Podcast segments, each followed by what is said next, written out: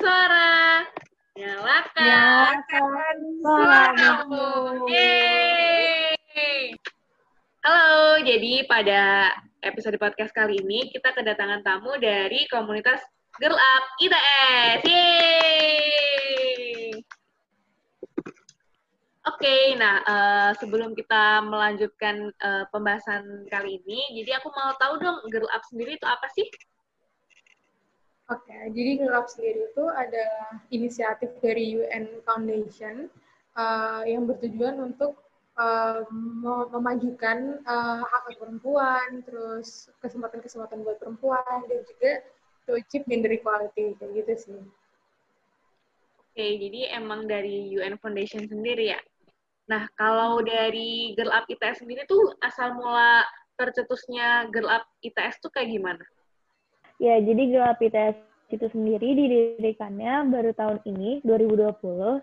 Dan kenapa didirikan? Karena untuk meningkatkan awareness dan memulai diskusi tentang hak-hak perempuan untuk mahasiswa ITS gitu.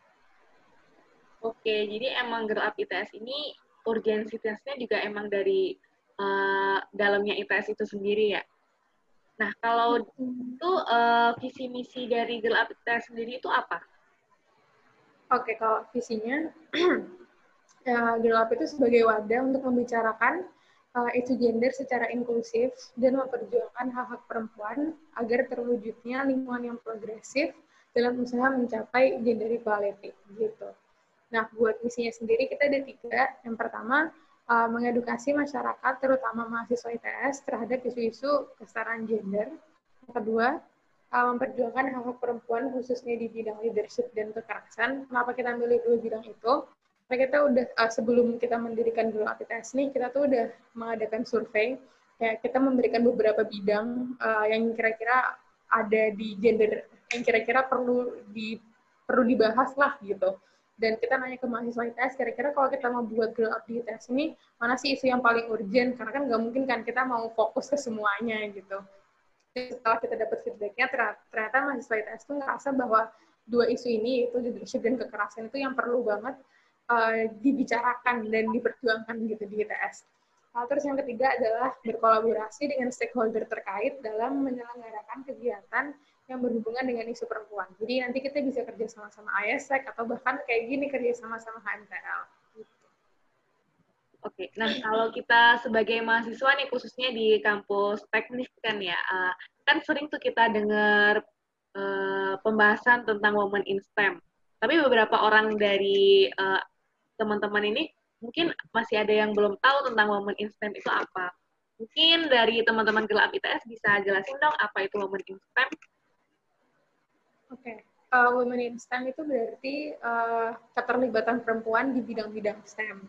Apa itu bidang STEM? STEM itu sebenarnya singkatan. Jadi S itu science, T itu teknologi, E itu engineering, dan M itu mathematics. Jadi uh, ternyata jika dilihat datanya, ternyata keterlibatan women in STEM ini sangat-sangat minim gitu. Dan makanya Girl salah satu fokus dari Girl ITS ini adalah women in STEM itu. Karena kan kita di kampus teknik dan juga kan uh, mahasiswa ITS kebanyakan jurusannya jurusan engineering gitu. Jadi kita mau membawa awareness mahasiswa ITS bahwa kita ini beruntung loh, kayak masih banyak perempuan yang di luar sana, masih banyak banget uh, anak-anak uh, perempuan yang belum bisa uh, belajar atau membangun karir di bidang STEM kayak gitu. Oke, okay, kalau untuk woman in STEM di ITS sendiri itu apa sih menurut kalian, pendapat kalian? Uh, kalau ITS itu sendiri, persentase sarjana perempuannya itu 50 ayo 50 persen tapi semakin tinggi gelarnya itu semakin menurun juga. Jadi kalau untuk di mas di masternya itu 30 persen. Dan untuk di gelar dokternya itu 18 persen. Tapi ITS itu udah um, sudah usaha gitu untuk men, uh, meningkatkan persentase itu. Dengan cara ITS pernah menggelar acara yang uh, berjudul WISE.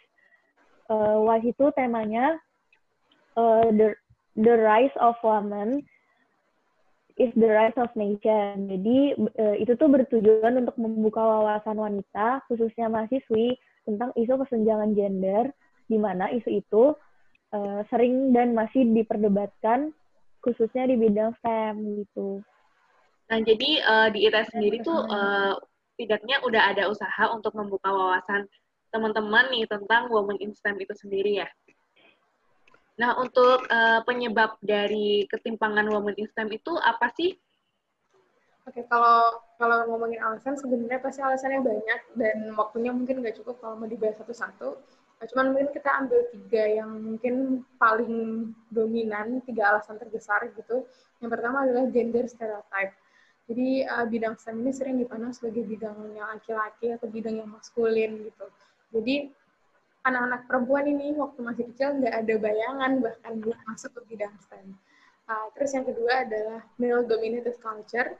Jadi karena emang perempuan yang sedikit di bidang-bidang STEM ini, kondisi kerjanya, kondisi kampusnya, terus kayak uh, budaya-budayanya itu itu iya jadi kayak kurang fleksibel dan kurang mendukung gitu loh buat perempuan buat masuk ke sana.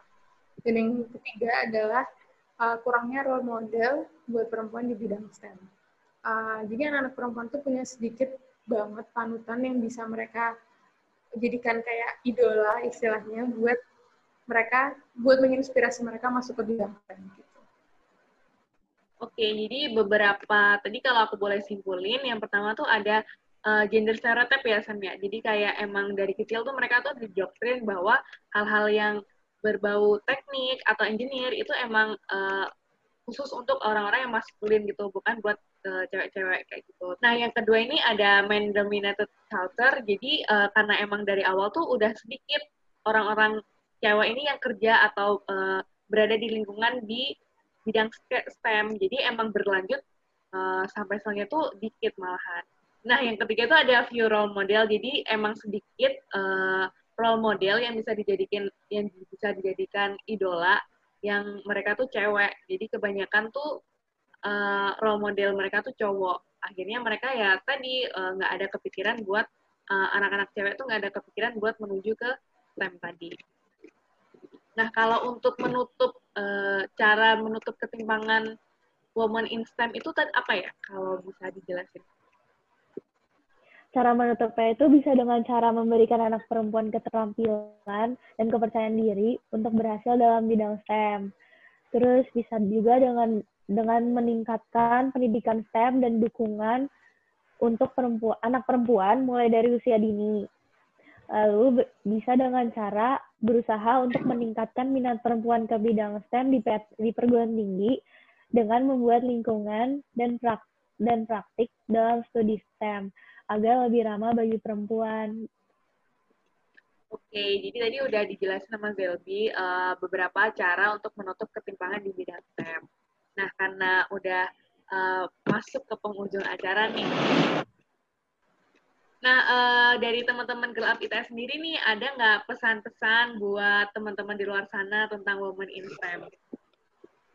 Uh, Oke, okay. kalau buat pesan-pesan, uh, mungkin Um, jadi kita sebagai perempuan-perempuan yang mahasiswa ITS kan pasti semuanya udah di bidang STEM nih. Jadi kita harus sadar bahwa setelah kita tahu bahwa persentase women in STEM ini dikit banget, kita harus sadar bahwa kita tuh termasuk beberapa yang beruntung gitu. Karena kita bisa uh, belajar dan bisa uh, nanti ke depannya mungkin bisa lanjut berkarir di bidang STEM kayak gitu.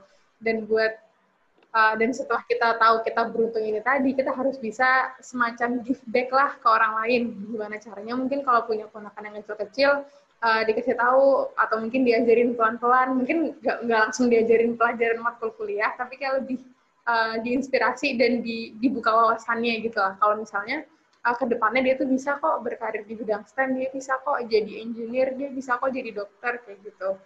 Jadi kita tuh harus ingat kalau kita tuh harus give back ke perempuan-perempuan di sekitar kita juga. Uh, dan kemarin kita tuh baru aja ada IG live sama Kak Maya dan satu hal yang dia bilang yang menurut aku penting banget adalah kenapa sih kalau kita harus support other women dan karena kata Kak Maya adalah karena jika kita support other women, misalnya aku support Zelbi, Zelbi itu nanti bakal support perempuan lain dan perempuan yang disupport Zelbi itu bakal support perempuan lain juga. Jadi kayak circle gitu loh, never ending circle gitu. Jadi kenapa itu pentingnya? Jadi kayak one person at a time aja sebenarnya gerakannya. Jadi itu pesan-pesan terakhirnya. Semoga podcastnya bermanfaat.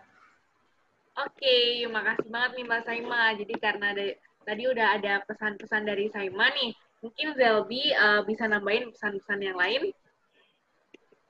Ya, karena tadi pesan dari Mbak Shema udah keren banget. Jadi aku cuma mau bilang kalau jangan lupa follow IG-nya Gelap ITS, yaitu at gelap.its.